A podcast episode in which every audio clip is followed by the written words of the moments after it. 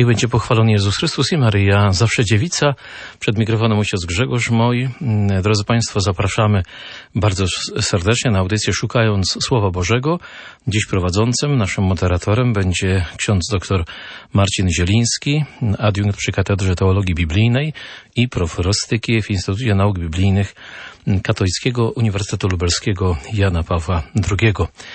Jak wspominaliśmy, rozważamy teksty z niedzieli miłosierdzia.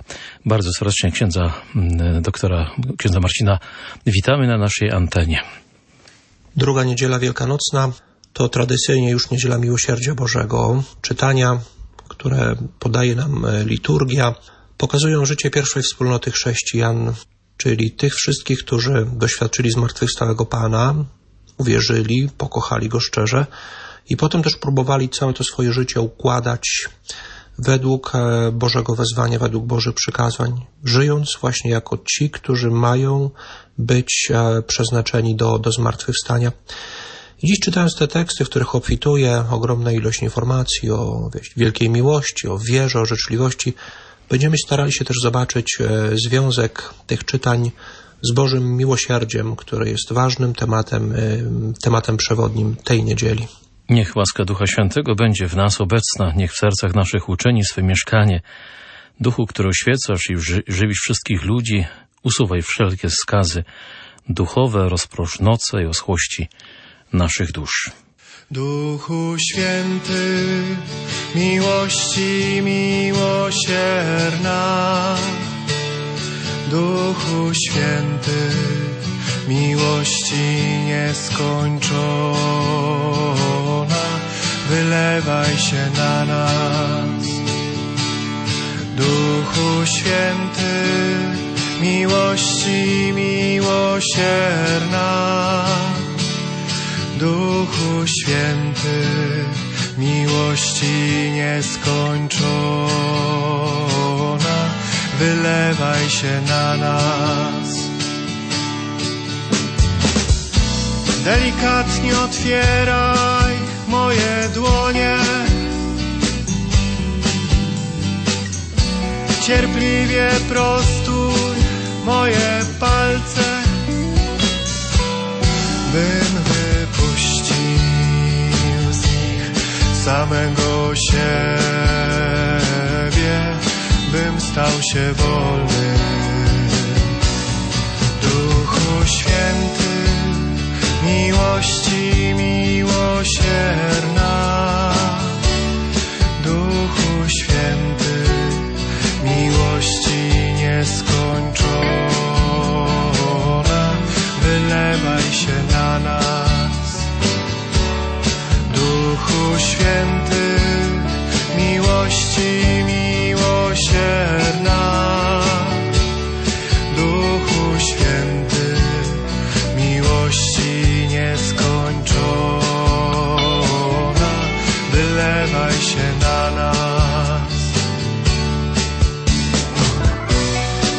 wiesz, ile we mnie jest lęku.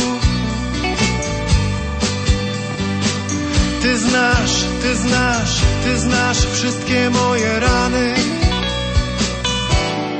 Pomóż mi wyjść naprzeciw Ciebie, choć jestem nagi. Duchu Święty, miłości miłosierna, Duchu Święty, miłości wylewaj się na. Czytanie z dziejów apostolskich. Jeden duch i jedno serce ożywiały wszystkich, którzy uwierzyli. Żaden nie nazywał swoim tego, co posiadał, ale wszystko mieli wspólne. Apostołowie z wielką mocą świadczyli o zmartwychwstaniu Pana Jezusa, a wielka łaska spoczywała na wszystkich. Nikt z nich nie cierpiał niedostatku, bo właściciele pól albo domów sprzedawali je i przynosili pieniądze uzyskane ze sprzedaży i składali je u stóp apostołów. Każdemu też rozdzielano według potrzeby.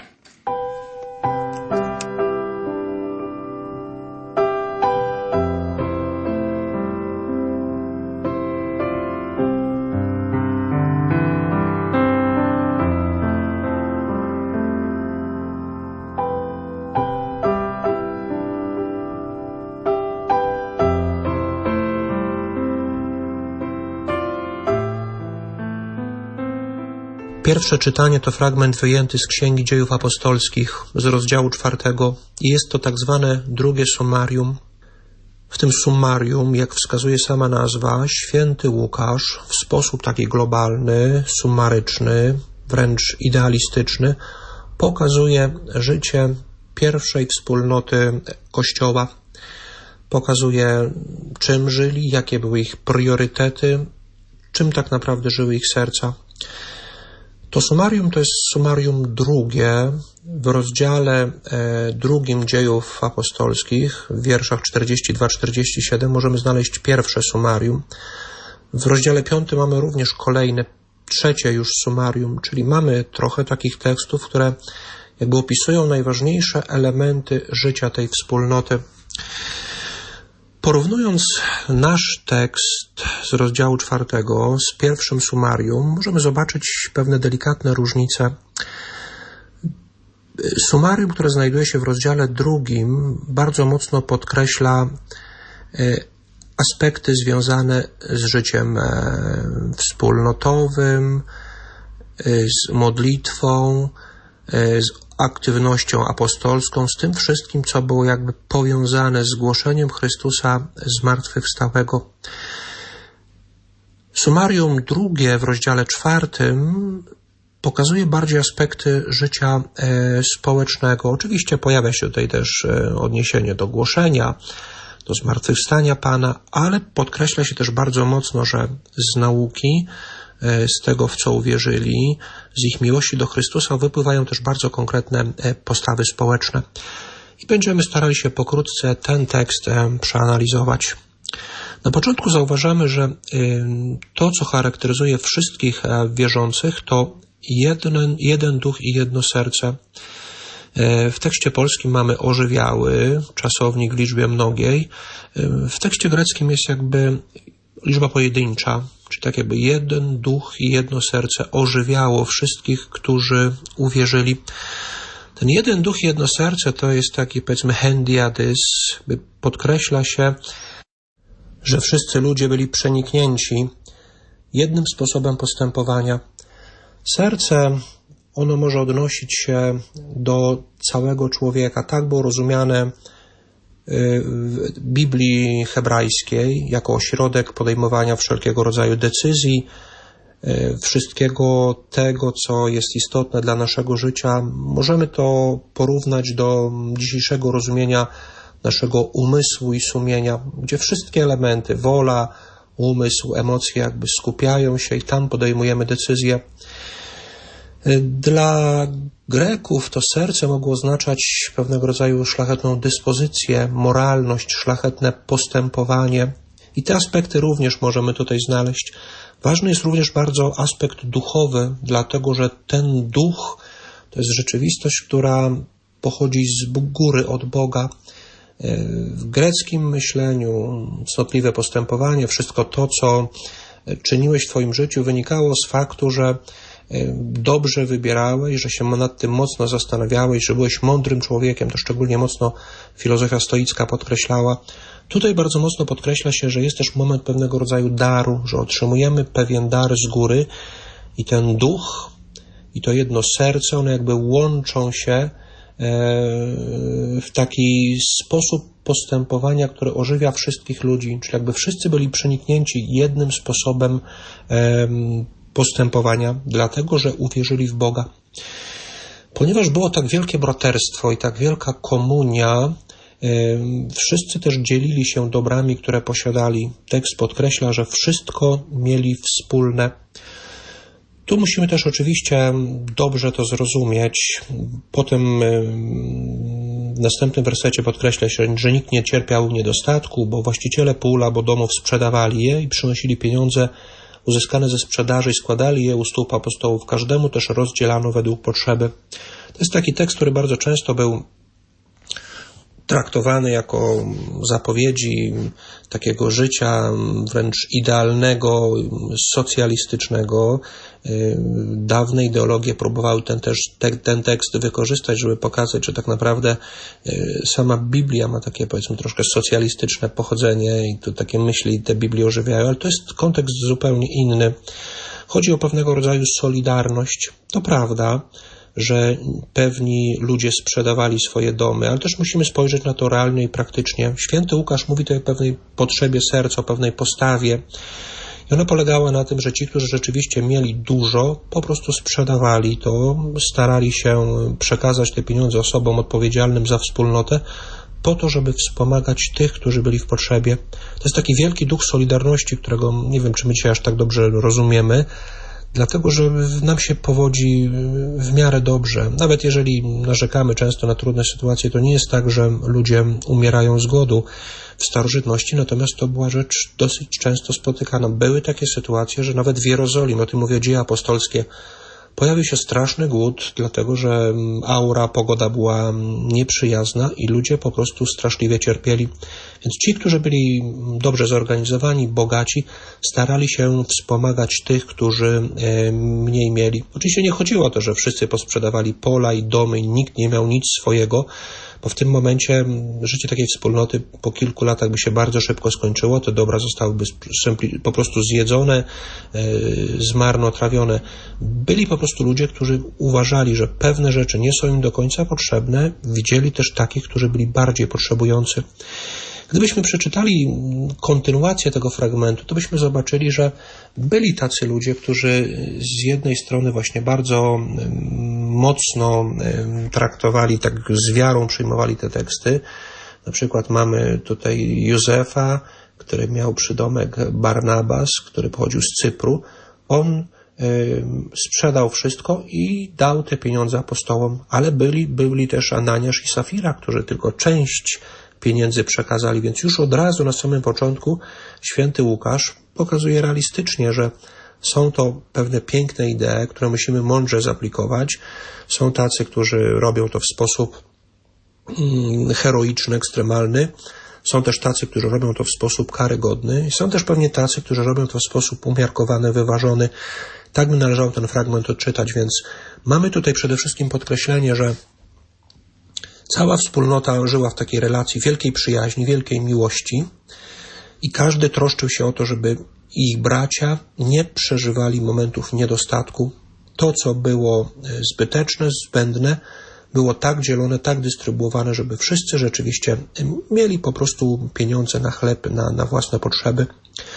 Warto też zobaczyć taką centralną sekcję tego fragmentu, bo nawet jeżeli dzisiaj mówi się dużo o życiu wspólnotowym, o trosce o ubogich, o sprawach socjalnych, fundamentem i siłą tego Kościoła i sercem tego Kościoła jest ciągłe głoszenie. Nawet jeżeli rzeczywiście pojawiają się te sytuacje związane z dzieleniem dóbr, święty Łukasz od razu w samym centrum zamieszcza to zdanie o apostołach, którzy z wielką mocą świadczyli o zmartwychwstaniu Pana, a wielka łaska spoczywała na nich. Ta wielka moc może przypominać trochę nauczanie Jezusa. W Ewangelii Świętego Marka mamy takie obrazy, że Jezus nauczał rzeczywiście z wielką mocą, czyli w taki sposób, że nauczaniu towarzyszyła łaska, znaki, jakby wielka siła przekonywania. Każdy, kto widział to nauczanie, kto go doświadczał, no, dostrzegał coś naprawdę niezwykłego. To nie było zwykłe opowiadanie o pewnych faktach, ale to była taka mowa, która miała wręcz taki charakter stwórczy, bo ona tworzyła po prostu nowych e, ludzi, nowych wierzących, nowych chrześcijan. Tak jak Bóg swoim słowem tworzył pewne rzeczy na początku świata, tak również Chrystus, takim właśnie nauczaniem z mocą, przemienia serca ludzi, odmienia serca ludzi. I tu apostołowie przejmują tę rolę. Oni również z wielką mocą świadczą o zmartwychwstaniu Pana. Są tymi, którzy autentycznie widzieli zmartwychwstanie Chrystusa, dotykali Go, przeżywali te wszystkie momenty cierpienia, ale też momenty radości i z wielką siłą teraz chcą o tym wszystkim głosić. Warto podkreślić tutaj aspekt tej miłości, która jest naprawdę niezwykle istotna, bo ona też jest powiązana z miłosierdziem. E, miłosierdzie jako takie, to jeszcze będziemy sobie rozwijać, to jest zawsze moment okazania miłości ludziom, którzy są w różnych trudnych sytuacjach. Najczęściej to są po prostu sytuacje grzechu. Tu mamy może nie sytuację grzechu, ale sytuację pewnego rodzaju e, niedoboru, niedostatku. I to, co jest istotne, to to, że wszyscy chrześcijanie kierowali się w swoim życiu jakby autentyczną miłością, najpierw do Boga, a potem do, do swoich braci. I z tej miłości wypływały bardzo konkretne e, postawy, bardzo konkretne postępowania.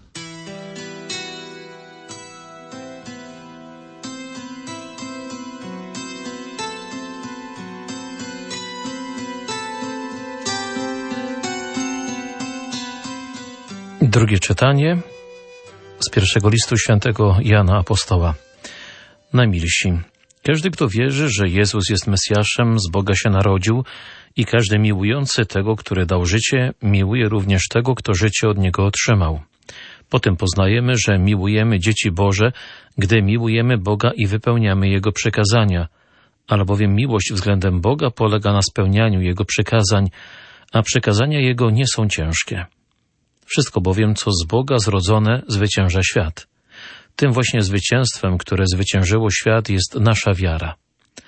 A kto zwycięża świat, jeśli nie ten, kto wierzy, że Jezus jest Synem Bożym?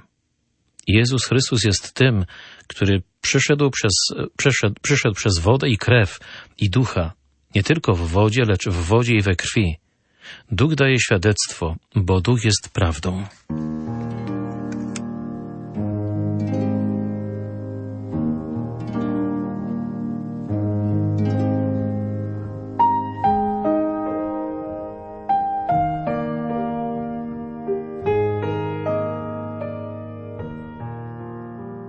Drugie czytanie to fragment wyjęty z pierwszego listu świętego Jana Apostoła z rozdziału piątego, gdzie układają się w taką całość pewne bardzo mocno połączone ze sobą wątki, wątki wiary, miłości, miłości, posłuszeństwa przykazaniom, ale także e, zwycięstwa i wiary.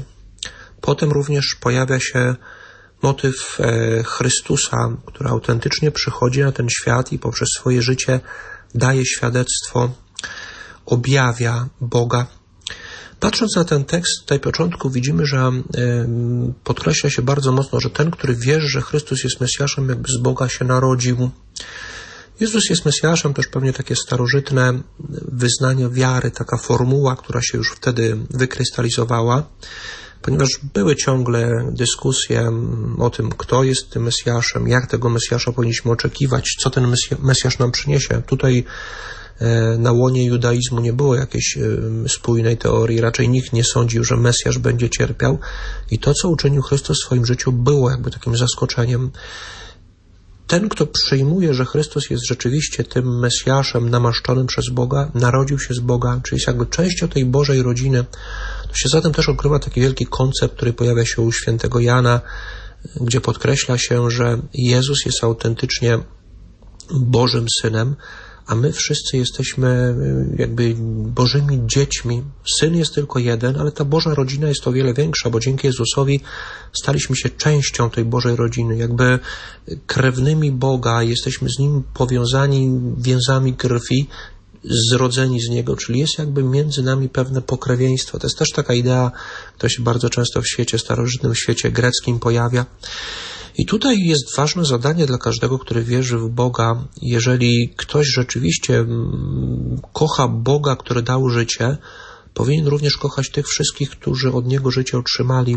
To by nakładało na chrześcijan wierzących obowiązek szczerego kochania wszystkich swoich braci, czyli traktowania ich tak jak członków swojej autentycznej rodziny. I tu Jan podkreśla, że to jest jakby wypełnienie tego najważniejszego obowiązku, który otrzymaliśmy od Boga, obowiązku miłości. W ten sposób wypełniamy te Jego przykazania. Przykazania, które otrzymaliśmy w Starym Testamencie, one nie zostały jakby zniesione czy zniszczone, te odrzucone. One zostały zrekapitulowane praktycznie w jednym przykazaniu miłości Boga i bliźniego. Bo samo przekazanie czci ojca swego, czy nie zabijaj, ono też na różne sposoby może być interpretowane. Chrystus dodaje bardzo ważny klucz hermeneutyczny. Masz wszystko to, co robisz, robić w ten sposób, żeby też poprzez Twoje zachowywanie y, danego przykazania no, objawiać miłość drugiej osobie, żeby to nie było wypełnienie wierne przekazania co do litery, a wtedy no, konsekwencją takiego postępowania właśnie jest cierpienie drugiego człowieka. Tak się nie wypełnia przekazań. Przekazania mają być, mają być wypełniane w ten sposób, żeby pokazywać miłość do Boga i też miłość do drugiego człowieka. Tu podkreśla się też taki bardzo ciekawy e, koncept, bardzo drogi ojcom Kościoła, którzy podkreślali mocno, że życie chrześcijańskie, życie według Bożych przykazań, z poszanowaniem pewnych ważnych zasad, w takiej dyscyplinie, w autoformacji, w szukaniu mądrej ascezy, to jest naprawdę życie o wiele lepsze, życie o wiele łatwiejsze, przyjemniejsze niż życie grzeszników, którym niby rzeczywiście wszystko wolno. Wydaje się, że są szczęśliwi, bo całe szczęście polega ich na tym, że robią wszystko to, co chcą, co tylko im się w głowie pojawi. Potem jednak okazuje się tragiczne konsekwencje takiego postępowania. I ludzie, którzy niby są absolutnie wolni, mogą robić co chcą, w pewnym momencie z powodu tej właśnie źle rozumianej wolności jakby stają się ludźmi nieszczęśliwymi, ludźmi, którzy ranią innych i którzy też w konsekwencji sami cierpią, sami się po prostu źle czują. Więc przykazania, które daje Chrystus, one nie są jakimś ciężarem. To, co Chrystus mówił, przykazania moje, moje jarzmo jest lekkie. Z jednej strony dlatego, że Bóg sam nas wspomaga w dźwiganiu tego jarzma, a z drugiej strony te przekazania jakby w doskonały sposób odpowiadają naszej naturze, czyli sposobowi, w jaki zostaliśmy stworzeni. I mądre wypełnianie tych przekazań powoduje, że nasze życie po prostu zyskuje, stało się, staje się po prostu lepsze. I takie wypełnianie przykazań życie według tych e, Bożych wskazówek okazuje się najlepszym sposobem do zwycięstwa nad światem, do bycia zwycięzcą. To jest również koncepcja bardzo ważna w starożytności. My dzisiaj oglądamy chętnie zawody sportowe, igrzyska olimpijskie, fascynujemy się futbolem, siatkówką, różnymi sportami. W starożytności również tak było. Zwycięzcy zawodów olimpijskich byli traktowani jak praktycznie bogowie. Oni kiedy wracali do swoich e, wiosek czy miejsc, w których się urodzili, oni przynosili ze sobą tylko wieniec laurowy, bo nie było jakichś nagród pieniężnych, ale to, co im towarzyszyło, to była po prostu sława i uwielbienie wszystkich ludzi. Oni byli po prostu autentycznymi herosami, takimi gwiazdami starożytnego świata. E, tytuł zwycięzca to jest też tytuł, który sobie przypisywał cesarz rzymski. On jest tym, który dzieli, tym, który zarządza, tym, który dzięki legionom jest w stanie pokonać każdego. On jest zwycięzcą. Tu okazuje się, że mm, jako chrześcijanie też możemy być zwycięzcami, nie w sensie pokonywania innych, ale właśnie w sensie doświadczania takiej wielkiej radości, osiągania czegoś, co jest naprawdę najcenniejszym laurem, to, co mówi też święty Paweł, on często używa takich metafor, obrazów wziętych ze świata e, współzawodnictwa sportowego, że biegniemy wszyscy razem, zwycięża tylko najlepszy. To zwycięstwo to jest po prostu cudowna rzecz. I Bóg podkreśla właśnie, że tutaj ci wszyscy, którzy wierzą, którzy starają się postępować zgodnie z przekazaniami, kochają Boga, są takimi zwycięzcami, otrzymują wielką sławę, wielką chwałę, cały świat ich podziwia, są traktowani jako autentyczni bohaterowie, więc ten obraz wielkiej nagrody ze świata starożytnego, tego lauru, którym jest po prostu wiara, czyli przylgnięcie do Boga, jest tu ukazywany jako najcenniejsza nagroda, najpiękniejsza rzecz, którą można e, zdobyć, której należy e, z całego serca pożądać. I tym zwycięstwem jest właśnie wiara w to, że Chrystus jest Synem Bożym, że jest Mesjaszem. No ostatni, ostatni werset, werset szósty, mówi o tym, że Chrystus przychodzi przez wodę i krew i ducha, nie tylko w wodzie, ale w wodzie i we krwi. Duch daje świadectwo, bo duch jest prawdą. To ten tekst doczekał się wielu e, różnych interpretacji, dlatego że woda i krew e, w naturalny sposób kojarzą się e, z doświadczeniem Eucharystii, z doświadczeniem chrztu. E, sam element wody i krwi może być też łączony z męką Pana. Kiedy został otworzony jego bok, z tego boku wypłynęła krew i woda. Być może to jest takie mm, najsensowniejsze wyjaśnienie tego tekstu, podkreślenie, że Chrystus przychodzi i autentycznie był obecny w historii świata. Ten element wody, ale potem też wody i krwi, jakby pokazuje dwa skrajne momenty jego życia. Z jednej strony chrzest, podczas którego właśnie objawia się Bóg i mówi: To jest mój syn umiłowany, w którym mam upodobanie a z drugiej strony mamy też mm, wodę i krew, czyli to, co wypłynęło z serca Jezusa w momencie, kiedy jego serce zostało przebite, czyli podkreślałby się tu też bardzo mocno e, fakt historycznego zaistnienia Chrystusa, że to świadectwo, które my jako chrześcijanie dajemy, to jest świadectwo o Chrystusie, który autentycznie żył na ziemi, który e, cierpiał, który został ukrzyżowany, ale który też zmartwychwstał.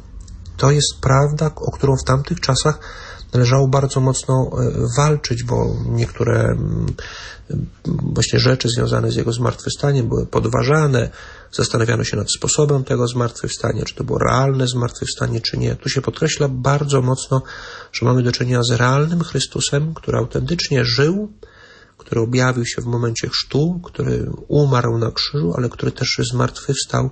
Tu mamy dawanie tego świadectwa, które jest jakby no, niezwykłym darem Ducha Świętego, to, co mieliśmy w pierwszym czytaniu, apostołowie świadczyli z wielką mocą zmartwychwstaniu Pana, czyli Boża łaska towarzyszy tym wszystkim, którzy w sposób pełen właśnie pasji, e, w sposób e, klarowny, czytelny, jednoznaczny, często w sposób, któremu towarzyszą różnego, znak, różnego rodzaju znaki, różnego rodzaju cuda. W taki właśnie sposób e, ktoś głosi, głosi Ewangelię Bożą i Chrystusa zmartwychwstałego. I to jest takie niezwykle istotne świadectwo, o które tutaj chodzi. Warto podkreślić jeszcze raz aspekt miłości, dlatego że na początku w każdym praktycznie zdaniu króluje tam miłość. Mamy miłować, mamy miłować Boga, mamy miłować innych, mamy być jako właśnie miłujące się dzieci Boże. Nasza miłość względem Boga cały czas pojawia się właśnie słowo miłość. I to jest słowo niezwykle istotne w kontekście miłosierdzia, bo gdyby rzeczywiście chcieli, chciał ktoś przebaczyć drugiej osobie, no musi też być taka relacja naprawdę życzliwości, miłości. Jeżeli tego nie ma, to samo przebaczenie też jest takim momentem po prostu sztucznym, który nic nie wnosi. Tak jakby chrześcijaństwo chciało powiedzieć, nie ma miejsca na takie udawane relacje, albo jesteś moim prawdziwym bratem, albo po prostu w ogóle ciebie nie ma. Jedyne, co możemy zaoferować drugim, innym naszym braciom, to jest po prostu szczera miłość. I w kontekście takiej miłości przebaczenie staje się rzeczą bardziej niż oczywistą, bo nikt nie chce po prostu utracić osoby, którą autentycznie kocha. Jeżeli natomiast nie ma miłości, sprawa przebaczenia też staje się jakby tego sprawą trochę drugorzędną, bo faktycznie ja bez tej osoby mogę sobie żyć, mogę sobie absolutnie bardzo dobrze poradzić. Ona do niczego nie jest mi potrzebna. Tu mamy taki aspekt wspólnoty, która jest jakby niezwykle mocno powiązana najpierw z Bogiem, potem jest powiązana też między sobą. I tym, co ich wiąże, to jest właśnie autentyczna miłość.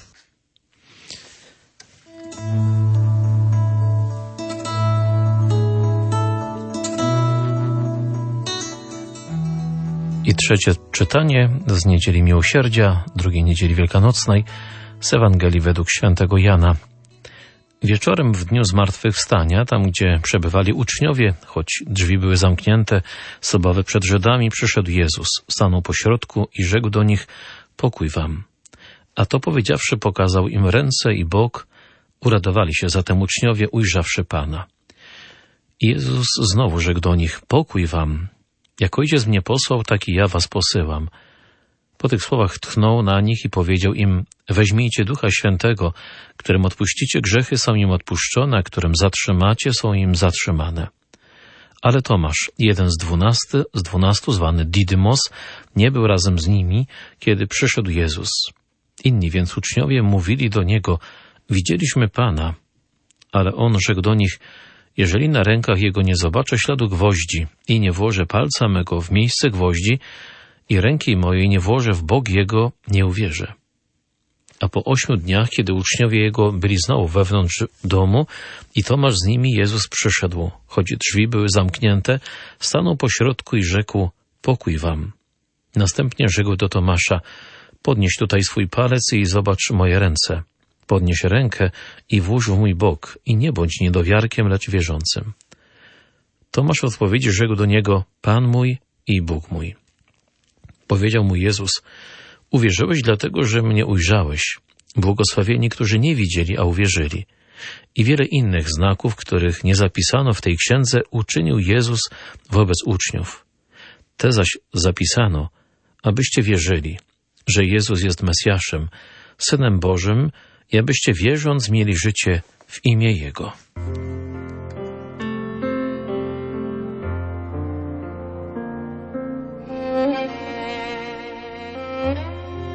Czytając Ewangelie związane z okresem e, wielkanocnym, oczekiwalibyśmy, że będą one po prostu pełne radości, entuzjazmu, ale paradoksalnie one często zaczynają się w taki trudny sposób. Wszystkie Ewangelie dotyczące zmartwychwstania zaczynają się od grobu, od doświadczenia smutku, od tych kobiet z smutkiem idących do grobu, pełnych wątpliwości, kto odsunie kamień. Cudowne objawienie się Chrystusa w dzisiejszej Ewangelii jest na początku związane z faktem, że oni siedzą mocno przestraszeni, ukryci z obawy przed Żydami, boją się po prostu pokazać, boją się wyjść na zewnątrz.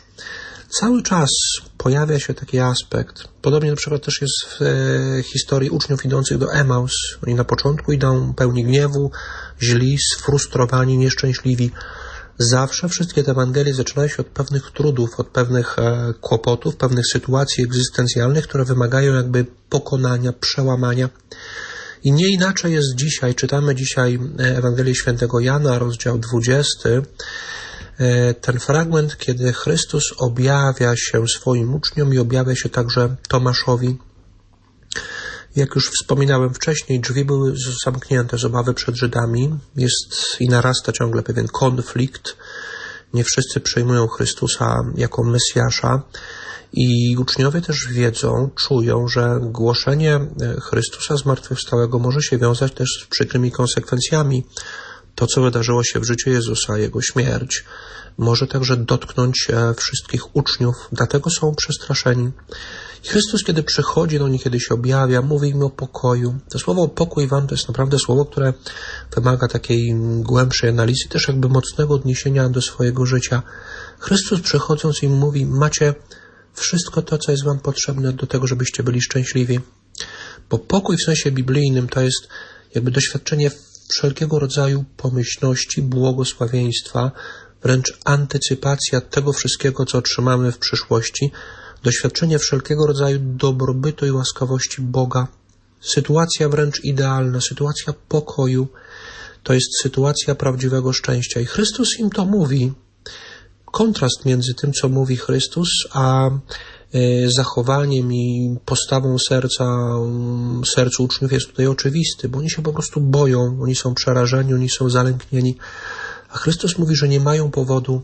Dowodem na to są właśnie Jego ręce, Jego bok, czyli fakt, że nawet śmierć może zostać pokonana. I Chrystus jeszcze raz powtarza: pokój wam. To jest pierwsze podstawowe przesłanie zmartwychwstałego Pana. Przynoszę wam spełnienie wszelkiego rodzaju oczekiwań, prawdziwą radość eschatologiczną. Przywożę wam, przynoszę wam szczęśliwe życie, takie, którego nawet nie jesteście sobie w stanie wyobrazić. Z tym darem e, pokoju jest też związany kolejny ważny dar Ducha Świętego, który e, przynosi odpuszczenie grzechów. Żebyśmy potrafili tym pokojem się naprawdę cieszyć w kontekście naszych słabości, naszych grzeszności, musimy też w jakiś sposób radzić sobie z grzechem. Oczywiście walczymy z pokusami, chcemy te pokusy odrzucać, to jest nasza duchowa praca, żeby to życie z punktu widzenia moralnego było jak najlepsze, ale mamy świadomość, że upadamy i grzeszymy. I tu Chrystus mówi, że kolejną rzeczą, która jest jakby nieodłącznie związana z tym pokojem, jest doświadczenie przebaczenia, doświadczenie Bożej miłości, właśnie Bożego miłosierdzia. W kontekście grzechu Bóg się nie denerwuje, Bóg się nie obraża, ale Bóg przychodzi z pomocą swoim dzieciom, daje im przebaczenie, daje im doświadczenie miłości, choć często człowiek sam na siebie jest zły, ciężko jest mu samemu sobie przebaczyć, a Bóg to czyni. Czyni to z miłością, czyni z życzliwością, bo widzi nasz żal. Więc to jest też taka wielka prawda, która na początku, w ogóle w początkowym życiu Kościoła, w historii Kościoła była bardzo trudna, bo z punktu widzenia e, dyscypliny e, kościelnej e, praktycznie po chrzcie nie wolno było grzeszyć. Kto popełniał jeden z tych trzech e, wielkich grzechów, które były po prostu prawdziwymi przestępstwami, takim przeciwko Bogu, czyli jeżeli dokonał e, cudzołóstwa, e, zabójstwa, ewentualnie aktu apostazji, to potem nie mógł powrócić w ogóle do wspólnoty Kościoła. Jeżeli potem był dopuszczany, to przez wiele lat musiał pokutować. I to są takie klasyczne teksty, które mówią o tym, że trzeba było 20 lat życia poświęcić, aby móc nareperować ten grzech i na nowo powrócić e, do wspólnoty Kościoła. Więc ludzie bali się czasem przyjmować sakrament Chrztu Świętego, bo sądzili, że gdyby im się zdarzył taki grzech, no to po prostu umrą poza kościołem. Ludzie nie żyli wtedy bardzo długo. Pokutować 20 lat to naprawdę była cała wieczność w czasach, kiedy średnia życia ludzi to było około 40 lat czy 35. Więc widzimy, że te wymagania chrześcijańskie były bardzo mocne.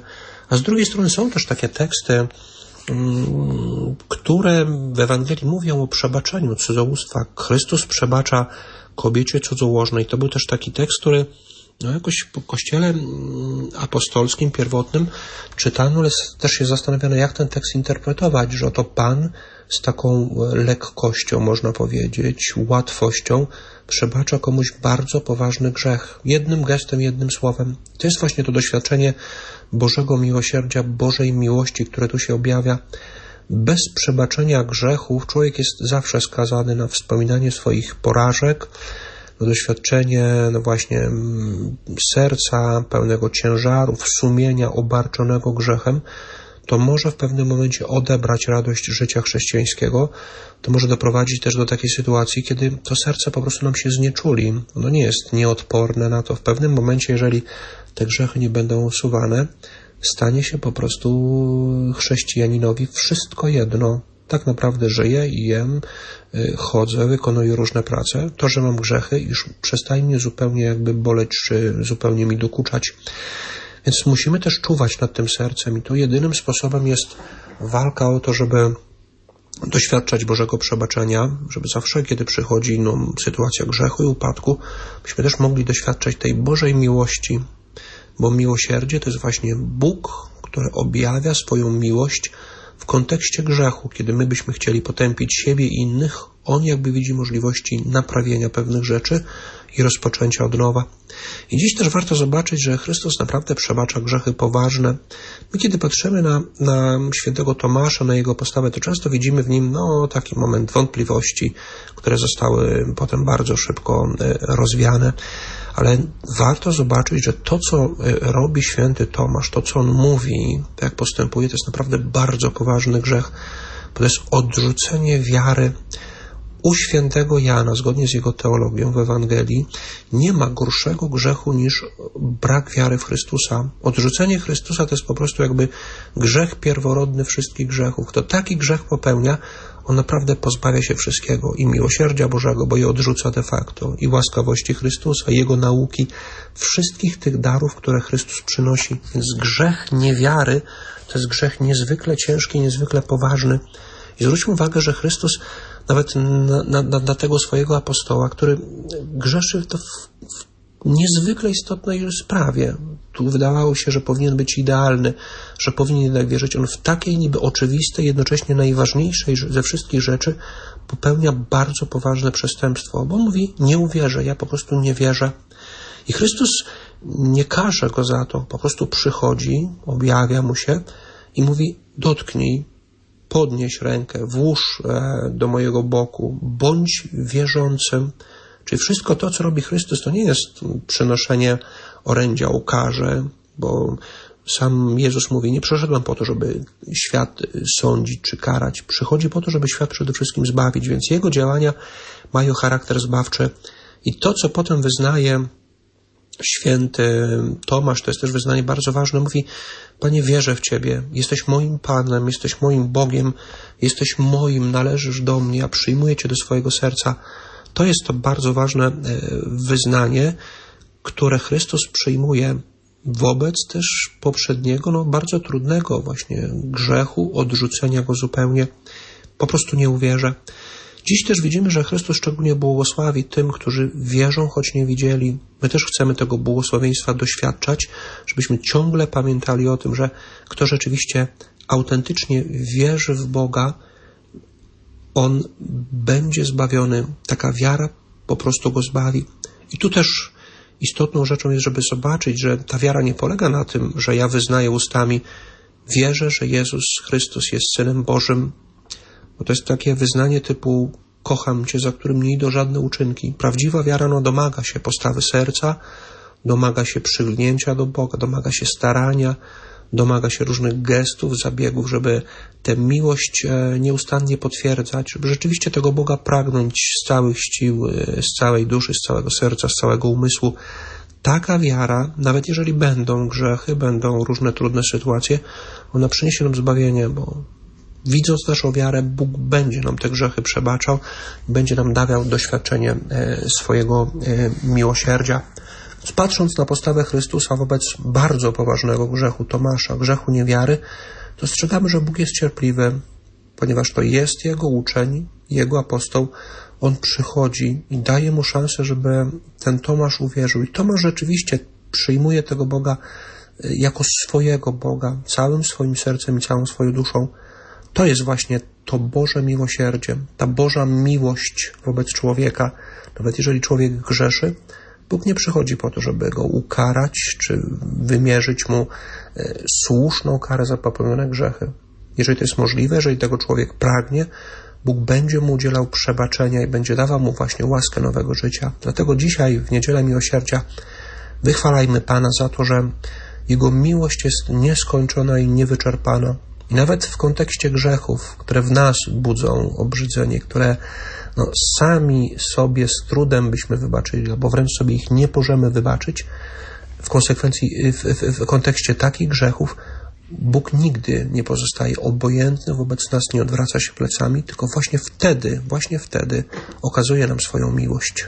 Drodzy Państwo, dziś rozważania przygotował ksiądz e, dr Marcin Zieliński, biblista, pracuje w Katedrze Teologii Biblijnej i Proforystyki w Instytucie Nauk Biblijnych, to Wydział Teologiczny Katolickiego Uniwersytetu Lubelskiego Jana Pawła II.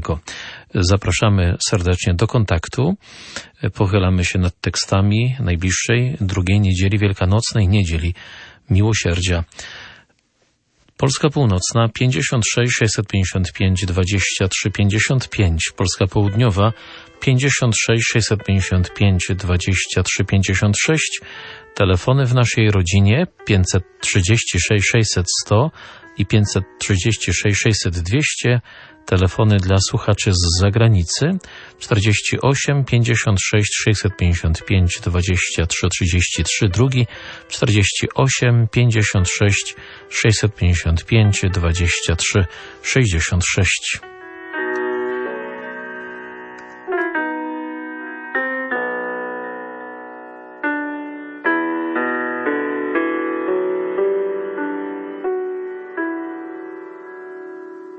Miłosierny Zbawicielu, Panie, przyjmij serce i moją duszę. Bezkresnym oceanie zanurzyć się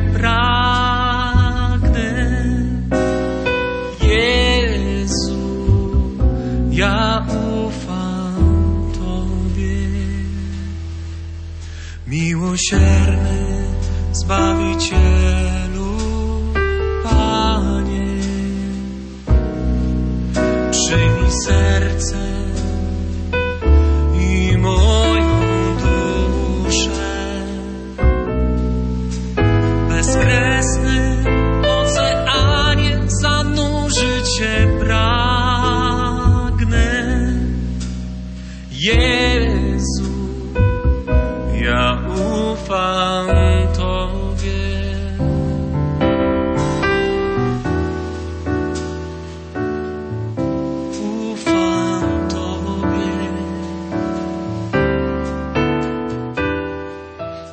proszę, Radio Maria, Niech będzie pochwalony Jezus Chrystus, Maria zawsze dziewica. teraz i zawsze. Krystyna z Lublina. Prosimy. Serdecznie pozdrawiam księdza profesora i ojca prowadzącego nas wszystkich słuchających. Bardzo dziękuję za tę naukę, bo tak teraz skojarzyłam, że Pan Jezus przez swoją przyjście na świat, przez swoją mękę zgromadził nas wszystkich i stworzył wspólnotę taką prawdziwą Matką Bożą, z apostołami wo- wokół prawdziwego Boga.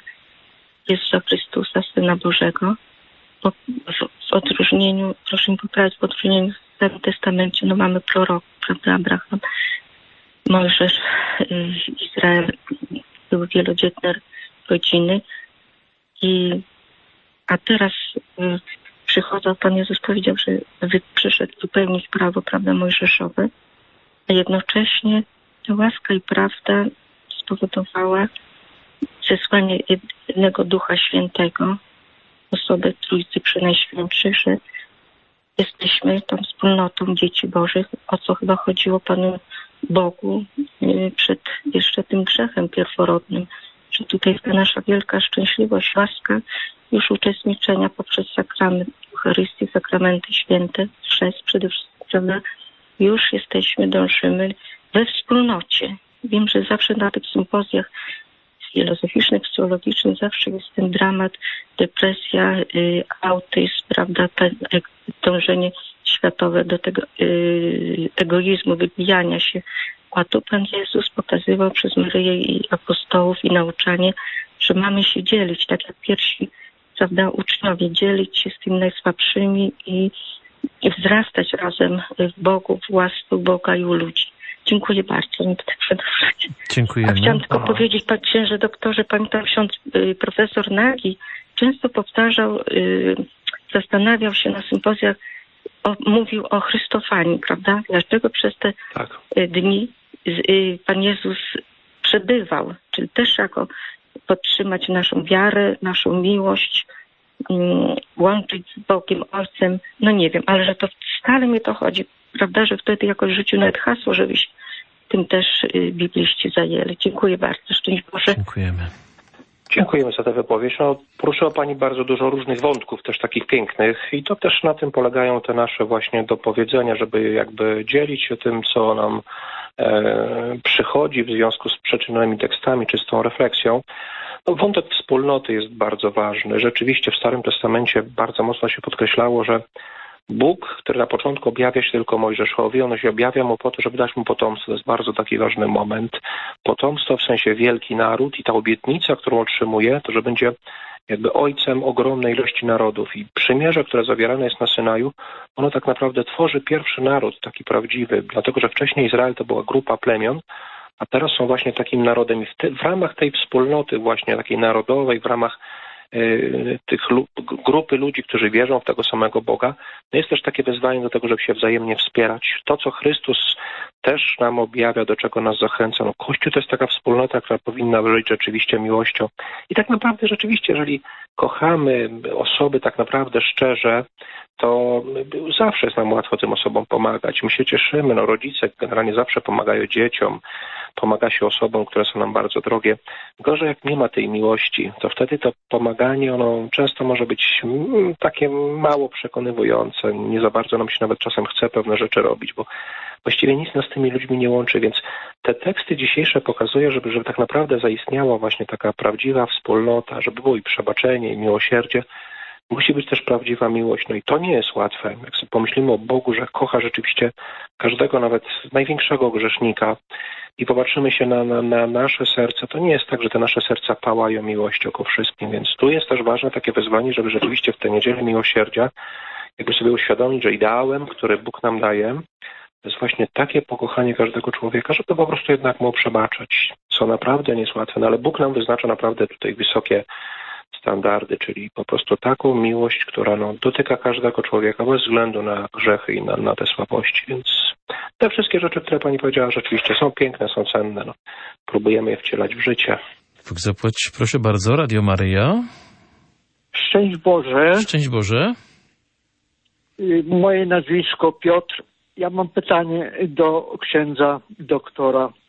W pierwszym czytaniu na zakończeniu dziejów apostolskich jest zdanie każdemu też rozdzielono według potrzeby. Treść koresponduje bardzo z definicją współżycia na zasadzie wspólnoty majątku i pracy. Jest to w, w języku łacińskim komunizm, czyli wspólnotę, którą bardzo często yy, i yy, profesorowie z kulu i profesorowie z Uniwersytetu Jagiellońskiego mówią o komunie. Według słownika języka polskiego, na przykład można sprawdzić u Władysława Kopalińskiego, że y, komuna to jest kierunek, gdzie zanika różnica między y, miastem i wsią, pracą umysłową i fizyczną. Zasada od każdego według jego możliwości i zdolności, każdemu według jego potrzeb.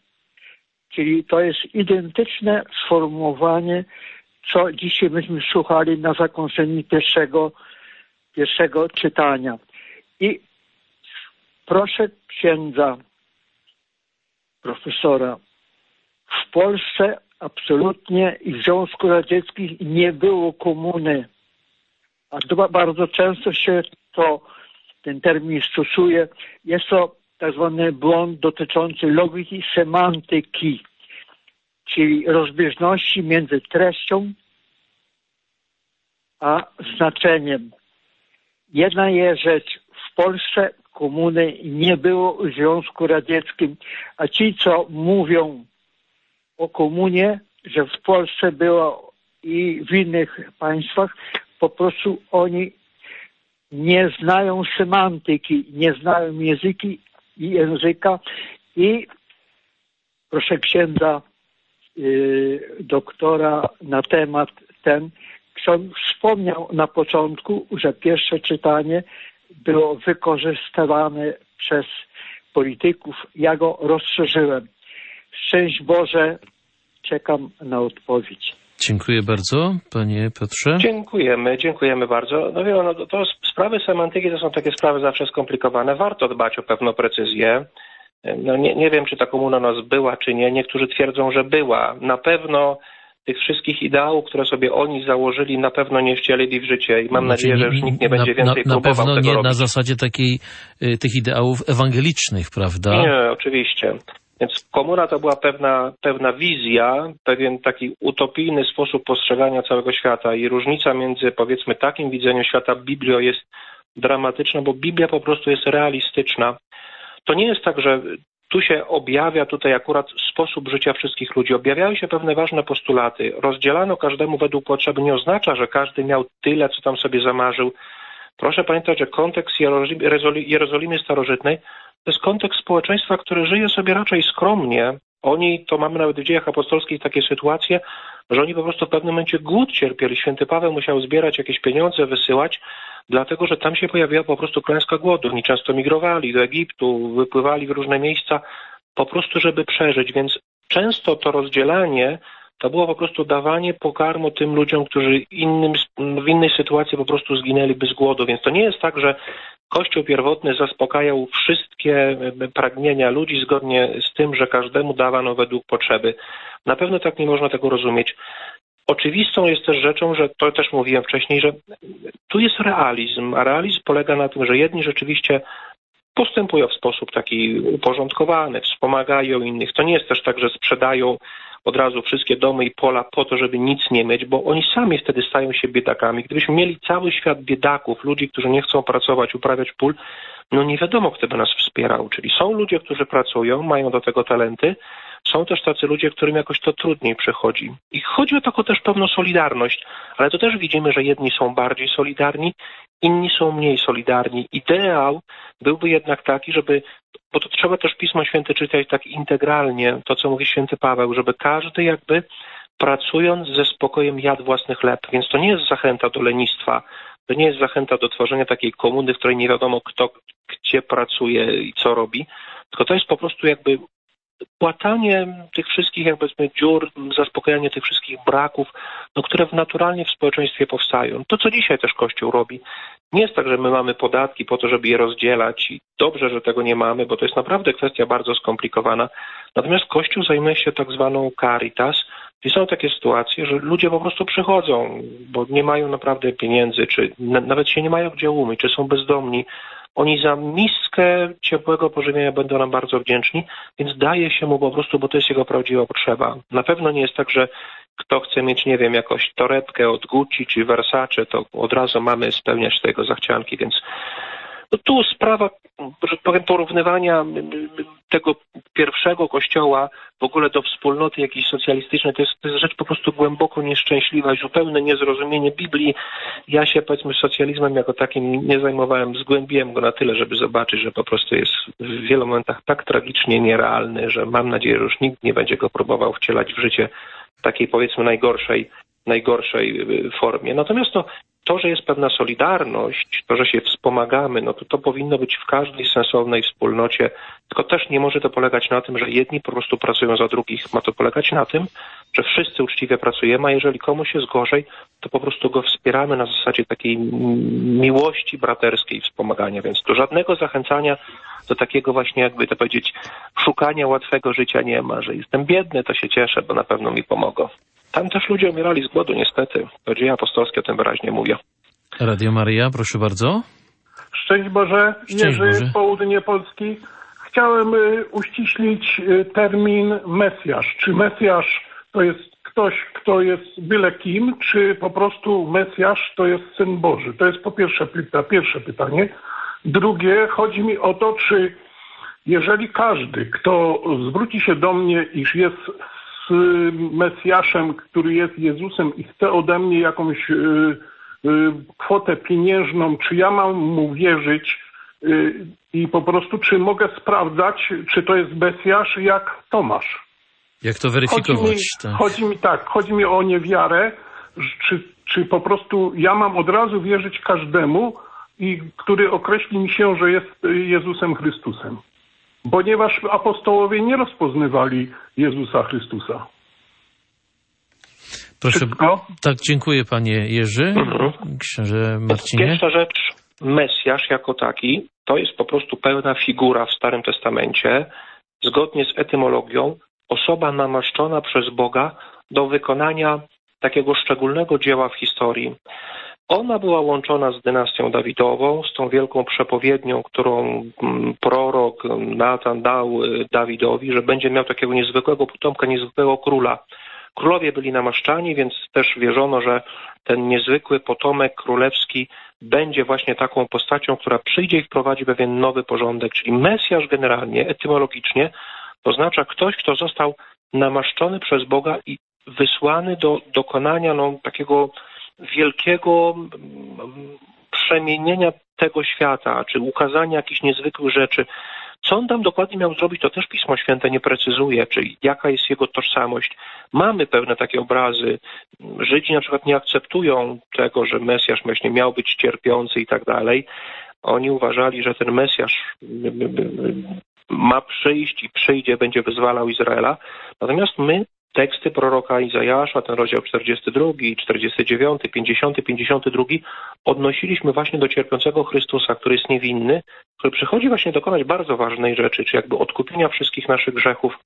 Więc kwestia tego rozpoznania tego Chrystusa, to jest kwestia po prostu całej tej wspólnoty. Byli tacy, którzy uznali w Chrystusie Mesjasza, z tego się zrodził Kościół, byli też tacy, którzy go po prostu odrzucili. Ale no, według tego, co wierzymy, według naszego Pisma Świętego, ja stwierdzam, że Chrystus jest Mesjaszem, czyli jest tym, którego Bóg specjalnie namaścił, to postacią, którą w tajemniczy sposób zapowiadało Pismo Święte i w którym się w ogóle wszystko wypełnia.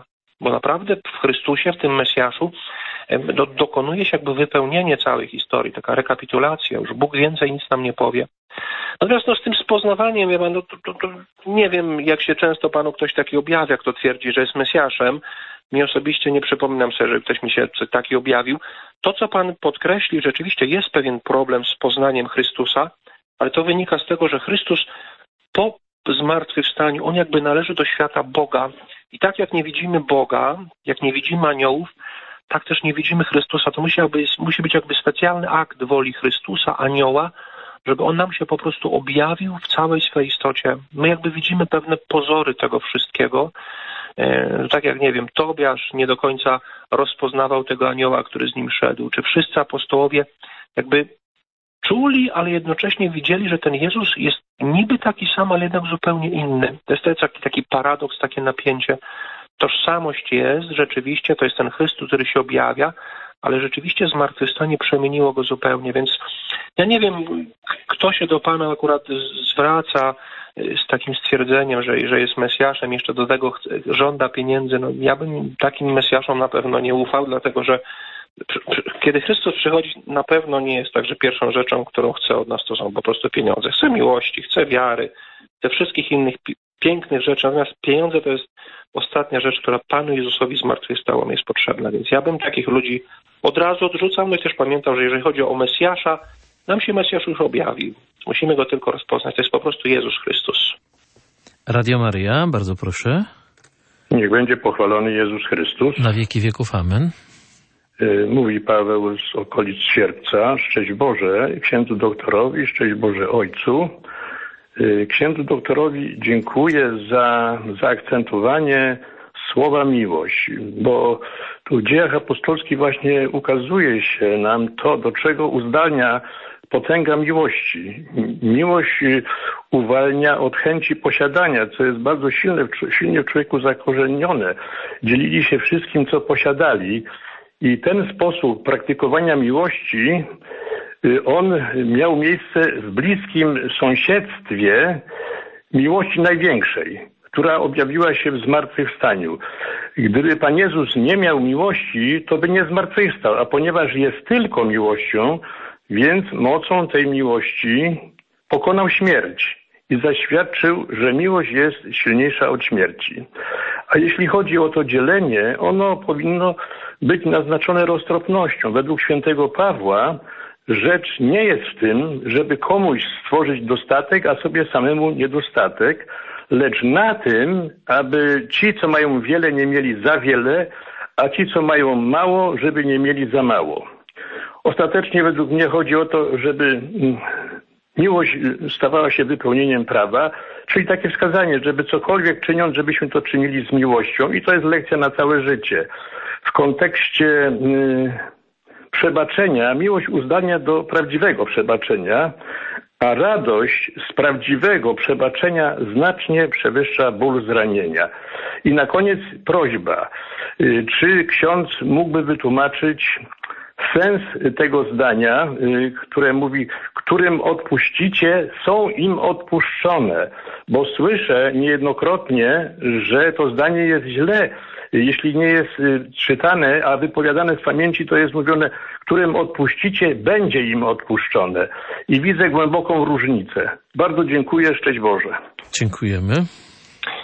E, dziękujemy bardzo. No, pięknie, że Pan jakby zauważył jednak ten potencjał miłości. My jako chrześcijanie naprawdę musimy raz jeszcze odkryć, że to, co mówimy o Bogu jako pełnym miłości, to, co mówimy o małżeństwie, gdzie naprawdę jest właśnie doświadczenie miłości, obdarowywania się wzajemnie e, pięknymi rzeczami. Miłość właśnie polega na tym, że ja potrafię dawać innym e, dobre rzeczy, bo jestem bogaty, bo Bóg mnie naprawdę obdarzył cudownymi rzeczami. Więc miłość polega nie na zabieraniu różnych rzeczy, tylko na dawaniu. Więc to są bardzo ważne rzeczy, które należałoby po prostu jeszcze raz bardzo odkryć. Bardzo mi się też spodobało to, co Pan mówił o zdrowym rozsądku, bo rzeczywiście w działalności dobroczynnej też my musimy pamiętać, że nawet jeżeli ktoś jest biedny, to trzeba się czasem zapytać, jaki jest powód tej biedy. Czasem powodem biedy są niestety ludzkie słabości, ludzkie grzechy i dawanie pieniędzy nie zawsze rozwiązuje tę biedę. Ono łata pewne dziury, Natomiast pojawia się też problem człowieka jako takiego, żeby jakby w niego zainwestować, pani, to jest najtrudniejsze, żeby się nad takim człowiekiem pochylić, żeby go zachęcić do jakiejś pracy, bo część ludzi po prostu no, nie może absolutnie pracować i my jako społeczeństwo ich wspomagamy od tego. Są podatki. Bardzo dobrze, bo nie jest rzeczą słuszną, żeby ktoś, kto nie wiem, ma jakąś ciężką chorobę, no, taką, którą możemy jakoś dzisiaj leczyć, żeby on rzeczywiście no, po prostu umierał. Potem jest kwestia oczywiście bardziej skomplikowana, jakichś bardzo drogich terapii, czy my rzeczywiście jesteśmy w stanie jako społeczeństwo wygenerować tyle tych pieniędzy, żeby właśnie jedno tę osobę ocalić. No niestety to są też takie rzeczy czasem bardzo brutalne, bardzo, bardzo, bardzo trudne. Natomiast to w społeczeństwie takim nowoczesnym, no dzisiaj sobie nie wyobrażam też, że po prostu ludzie umierali z głodu na ulicach. My produkujemy na tyle różnych dóbr i różnych rzeczy, że jesteśmy w stanie to wszystkim ludziom jakby zapewnić. Ale z drugiej strony też, żeby tak nie było, że właśnie uczymy się łatwiego, łatwego życia, że mi się coś należy, że chciałbym to, bo wtedy jako człowiek się nie rozwijam. Po prostu nie pracuję, nie wyrabiam sobie cnót, nie wyrabiam sobie cierpliwości. Nie jest łatwo naprawdę wstawać codziennie do pracy i iść robić pewne rzeczy. No, niektórzy mówią, że bardziej o wiele łatwiej jest żebrać i tak dalej. No, to jest też taka rzecz trochę może i upokarzająca, ale z drugiej strony no, ktoś, kto naprawdę ciężko zapracował na pewne pieniądze, on musi je oglądać i musi też jakby roztropnie tymi e, pieniędzmi dysponować. Więc kiedy wspieramy, to wspieramy, żeby też nie wspierać naiwnie. I tu to, to słowo, które Pan użył, roztropność, to jest takie piękne słowo z tradycji mądrościowej, to mi się po prostu bardzo podoba. To, co natomiast Pan, pan, pan pytał, to zdanie z Ewangelii Świętego Jana, to jest 23 rozdział, Tutaj nie ma jakichś takich, że będzie odpuszczone, czy jakieś warunkowe rzeczy. Po prostu odpuszczenie grzechów oznacza, że te grzechy są odpuszczone. Jeżeli pewnych rzeczy nie przebaczamy, to znaczy, że te grzechy jakby nie są przebaczone, są jakby e, w zawieszeniu ciągle.